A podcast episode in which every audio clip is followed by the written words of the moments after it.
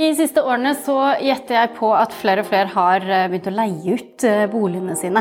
Typ Airbnb og, og litt sånne ting. At man ikke leier ut over lang tid, men kanskje en helg eller en uke eller eh, litt innimellom. Ja, du tenker på sånn korttidsutleie? Ja, ja. det er det sikkert egne regler for. Ja, der er det litt lurt å uh, holde rede på hva du driver med der. Du lytter til Podskatt med skatteveilederne Karoline og Roar.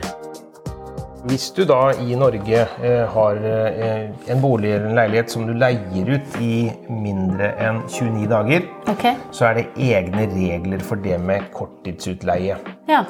Eh, så du kan jo f.eks. si at noen drar på ferie og leier ut egen bolig mens de er på ferie. Ja.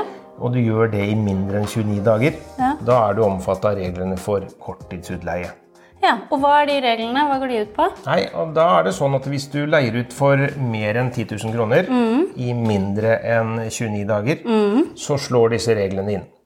Og da er eh, alle inntektene eh, som du får, eh, da skal legges sammen for alle periodene. Okay. Sånn at da er det alle periodene over 10 000 kroner er da skattepliktig. Sånn at hvis jeg har leid ut en uke for 10 000 kroner, og så mm. leier jeg ut to uker til, men ikke rett etter hverandre, da, mm. så har jeg jo da 30 000 kroner som jeg har tjent på dette, mm. eh, på mindre enn 29 dager. Ja. Og da er det 30 000 som er skattepliktig, eller? Ja. Det er eh, 10 000 kroner i eh, sånt såkalt eh, bunnfradrag. Okay. Så mer enn 10 000 kroner, så er det skattepliktig det som er over 10 000. Så da er vi på 20 000. Ja. Så det er 20 000 som er skattepliktig når jeg er leid ut i tre uker. Ja. Er alt skattepliktig? Har jeg fradrag og sånn? Du har ikke noe fradrag. Det er sånn eh, at du er skattepliktig for det som er over 10 000, og 85% av den summen over. Ja, ok. Og da, hvor, da, har jeg ikke rett på fradrag fordi jeg ikke skatter alt, eller? Da er det sånn at fradraget er bygd inn i den reduksjonen til 85% Jeg skjønner. Så det der er en sjablong, sjablongregel, eh, og eh, den 15 er da kostnadene dine eh, bygd inn der. Ja. Mm. Ok, Så det du kaller korttidsutleie, er altså totalt mindre enn 29 dager. Ikke nødvendigvis i strekk, men, men på et år. Mm. Eh, og eh, det jeg tjener over 10 000 kroner, er skattepliktig med 85% Ja.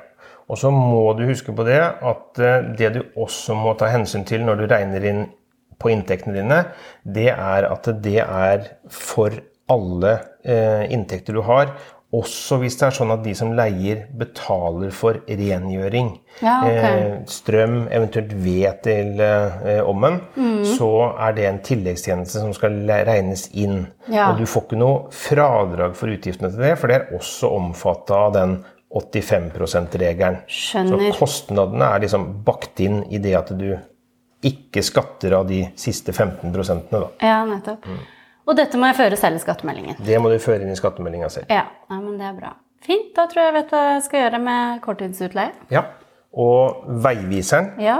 på skatteetaten.no, den finner du ved å sette slash utleie. Så finner du den der inne. Veldig bra. Tusen takk.